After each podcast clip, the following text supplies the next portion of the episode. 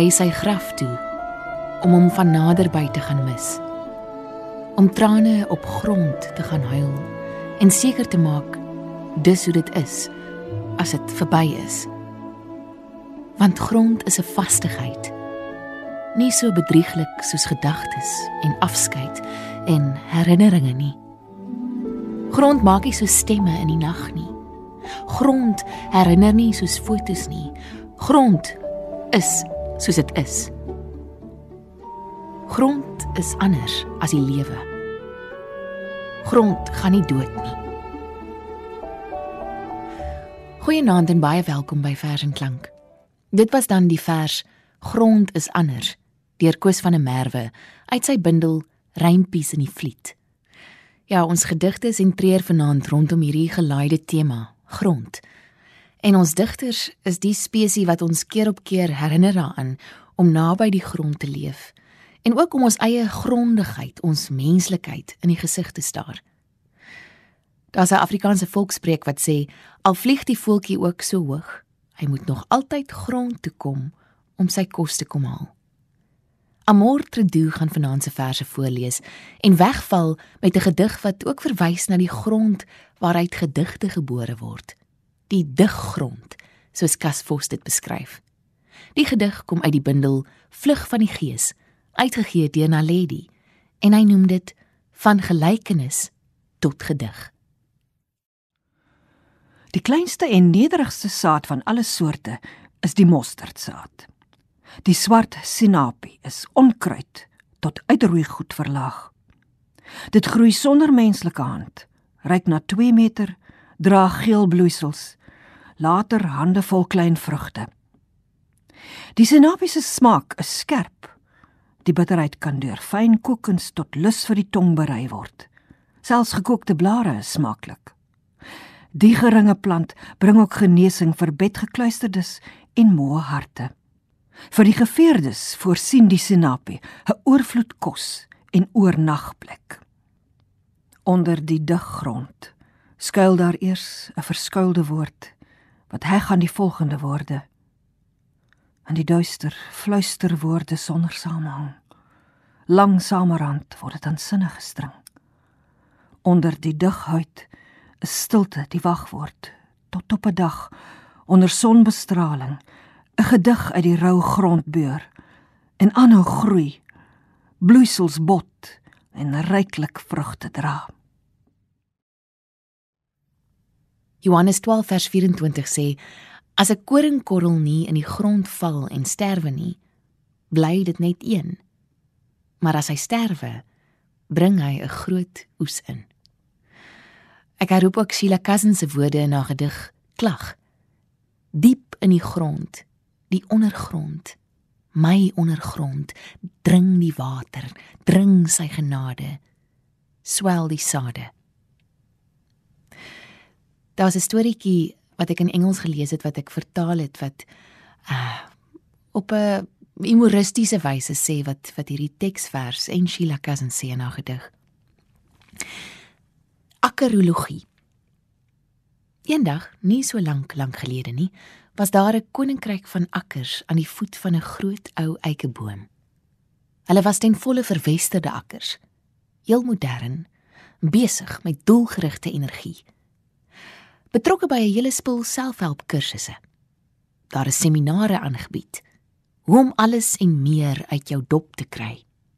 Daar was verwondings en rehabilitasiegroepe vir akkers wat gekneus is in hulle oorspronklike val vanuit die boom spaas om die doppe te olie en blink te vryf en verskillende akrobatiese terapieë om lewenskwaliteit, welstand en dop elastisiteit te bevorder.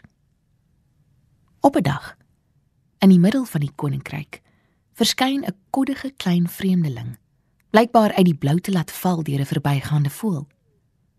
Hy het nie 'n dopkappie op nie en is vuil. Hy maak 'n negatiewe eerste indruk op sy mede-akkers so gebuk onder die eikeboom blaker hy toe aan die ander 'n wilde storie uit terwyl hy wys na die boom sê hy ons is dit ag waansinnigheid uiteraard sê die ander akkers Maar een van hulle gaan tog voort in gesprek met hom. So sê vir ons, hoe kan ons daai boom wees of word? Wel, sê hy terwyl hy wys na die grond. Dit het iets te maak daarmee om in die grond in te gaan en die dop te laat oopbars. Malligheid, antwoord hulle. Is totaal morbied. Hoekom sou ons dit wou doen? Dan sal ons mos nie meer akkers wees nie. Kom ons luister nou na die gedig Korreltjie sand deur Ingrid Jonker. Ek het hierdie weergawe gekry in die gewildste Afrikaanse gedigte, uitgegee deur Iman en Resou. Korreltjie korreltjie sand. Klippie gerol om my hand, klippie gesteek in my sak, word korreltjie klein en plat. Sonnetjie groot in die blou. Ek maak net 'n oogie van jou. Blink in my korreltjie klippie, dit is genoeg vir die rukkie kindjie wat skreeu uit die skoot. Niks in die wêreld is groot. Stilletjies lag nou en praat, stilte in doodloopstraat. Wêreldjie rond en aardblou. Korreltjie maak ek van jou. Huisie met deur en twee skriffies, tuintjie met blou madeliefies. Pyltjie geveer en verskiet. Liefde verklein in die niet. Timmerman bou aan 'n kus. Ek maak my gereed vir die niks. Korreltjie klein is my woord. Korreltjie niks is my dood.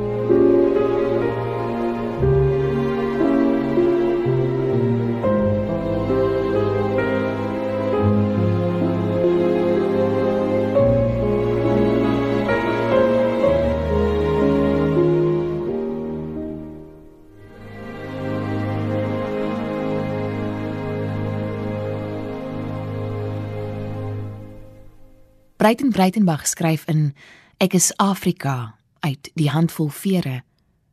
Afrika, ek wil aan jou hang. My werklikheid, my grond. Op 30 November 1996 het Antjie Krog die volgende woorde gesê tydens die verkennende gesprek oor 'n saambindende Afrikaanse organisasie in Stellenbosch.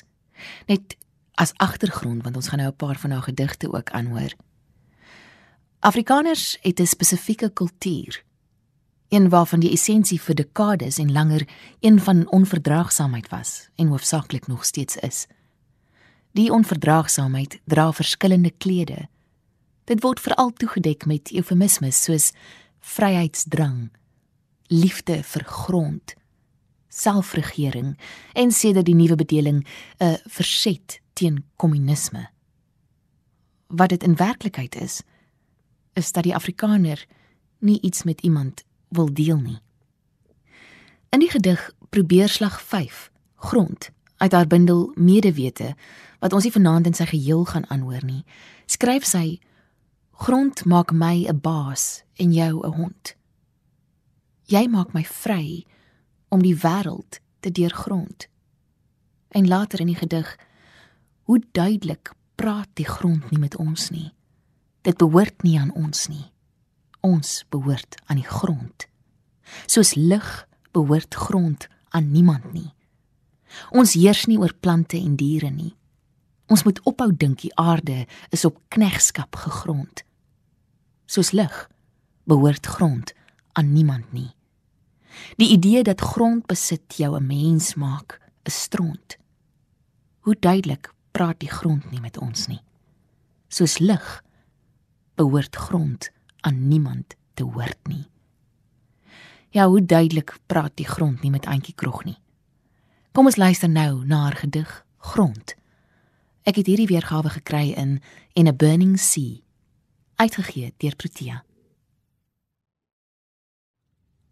Onder bevele van my voorgeslagte was jy besit. Had ek taal kon ek skryf, want jy was grond, my grond.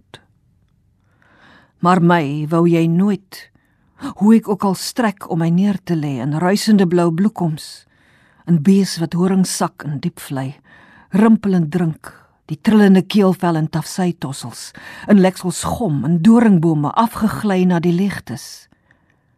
My wou jy nooit, my verduur kon jy nooit. Keer op keer skud jy my af, rol jy my uit, grond. Ek word langsam naamloos in die mond. Nou word geveg om jou. Beding, verdeel, verkamp, verkoop, versteel, verpand. Ek wil ondergronds gaan met jou grond. Grond wat my nie wou hê nie. Grond wat nooit aan my behoort het nie. Grond wat ek vergeefser as vroeër liefhet. Die volgende gedig van Antjie Krog wat Amor Tredu gaan voorlees is As ek doodgaan. Dit kom uit haar bundel Medewete, uitgegee deur Iman en Resou. As ek doodgaan wil ek in die grond lê, vlakkerig, met 'n boom in die los grond geplant. En op 'n dag gaan die harige voorwortels my bereik. Die kus soos 'n kankergroeisel klem, deurgroei en tastend begin soek, dalk 'n gemummifiseerde kop of lang grys hare. Dalk se reeds skone skelet, maar 'n kreet sal skal. Die boom het gekom. Klamp aan, suip dorre sap, verpulver been 'n boks vitamien. Dan staan ek op 'n oggend in kapillêre stawe op, onkeerbaar, duiselig, oorverdowend in groen. Dui 'n oorloop, strek in wervels van saligheid, trompeter as murg, trill as klorofil. Tuig open blare en bejuig die liewe son. Wangwelig soen ek die wind, aanbid die blou. Dalk kap iemand die boom af vir papier of 'n rak. Dalk brand die boom in 'n veldbrand. Opwarrelend ontmoet ek dele van myself in wolke waar ek lankal reeds duikel as asem. As ek doodgaan, wil ek in die grond lê, vlakkerig.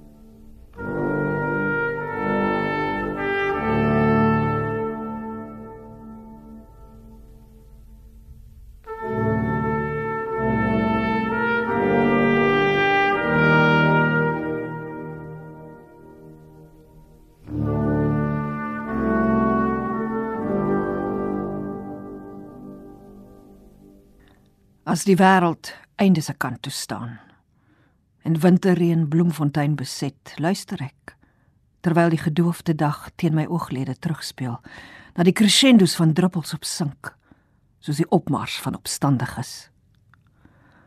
Hoeveel liters het die lug al laat val in hierdie land? Hoekom is die grond steeds so rooi? Die getimmer van swak suur wat karre en kragdrade afgemete wegroes. Die bliksemslae wat die wolke soos vergelding terug aarde toe skiet. Die druppels liefdesverklaringe op my buurman se voete as hy opnuut vergifnis op sy stoep onthou.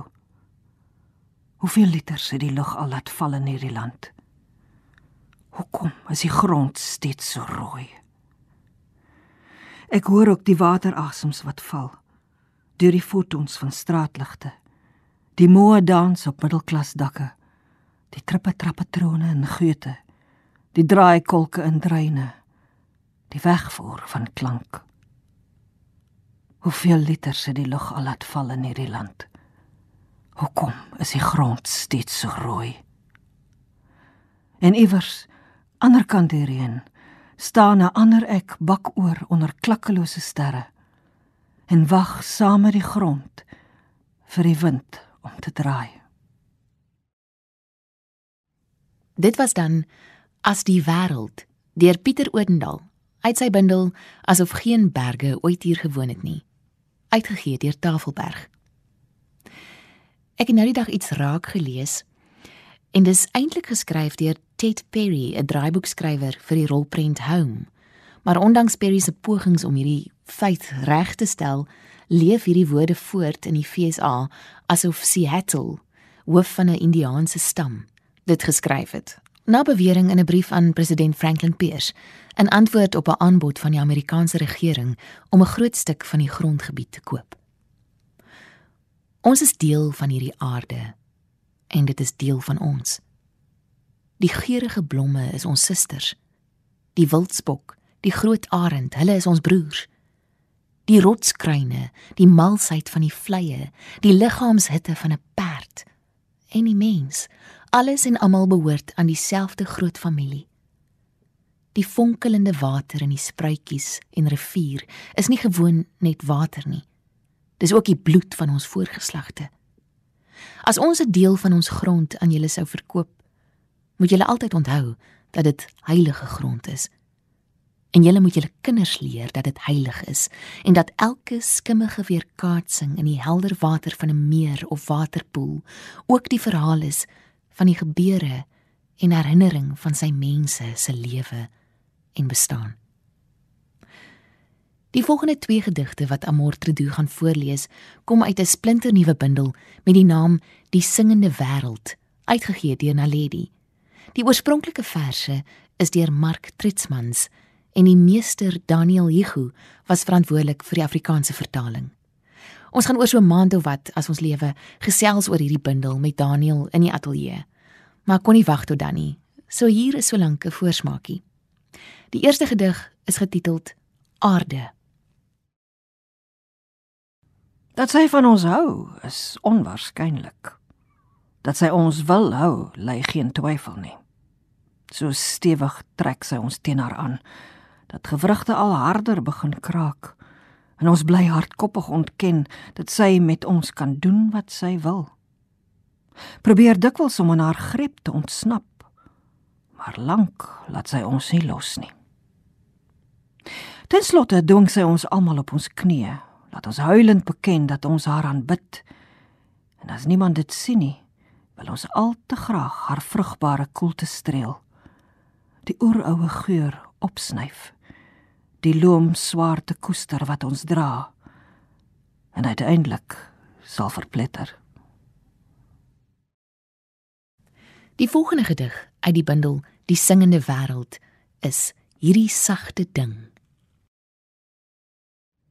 Ook sonder dat ons dit besef hunker ons voortdurend na die van selfsprekend sagte ding wat ons logge liggaam die gewig wat ons saamdra bly verwelkom en ons voetstappe demp. Niks meer as ontblote vel van grond is dit deur son, reën en wind geduldig verkrummel waarin die gras, die mos, al die plante en bome wortel waarop diere met eerbied hulle pote plaas. Laat ons dus bevrees wees vir die oomblik wanneer ons nie meer vel teen haar vel mekaar kan aanraak en beluister nie. Hoe verlore ons gedagtes dan en ons vir altyd verwyder van die grond en elke werklikheid.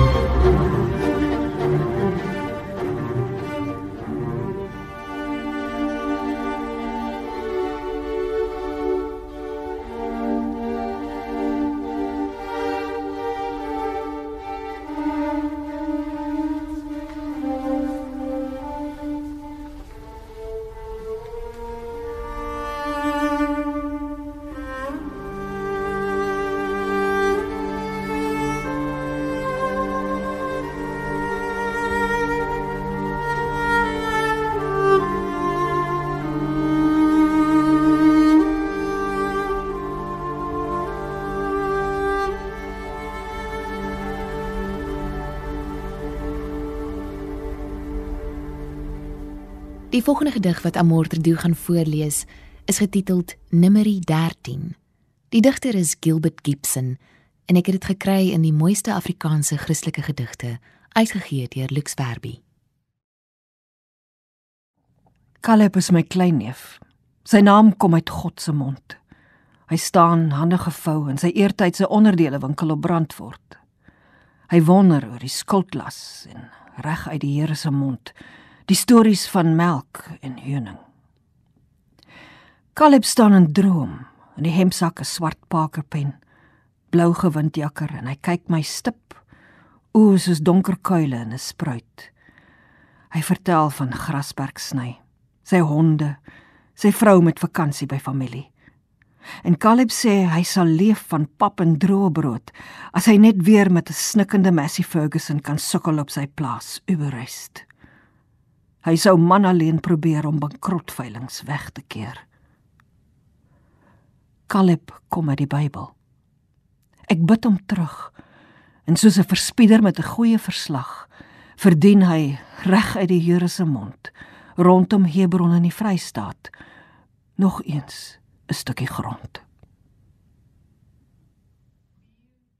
Ek dink nou aan Ronald Reagan se woorde Boere staan in 'n bedryf wat 'n dobbeltafel in Las Vegas na 'n gewaarborgde jaarlikse inkomste laat lyk. Die laaste gedig wat Amor vanaand gaan voorlees, is getiteld Koöperasie. Dis deur TT Kloete en ek het dit ook gekry in die mooiste Afrikaanse Christelike gedigte. Kyk hoe in sy grond na die groot reëns, die graan op ons lande groen en gesond in die laatmiddag staan kyk na die omgeploegde lande. Kyk na sy vingermerke. Aanskou die vat van sy hande aan ons wonderwerke.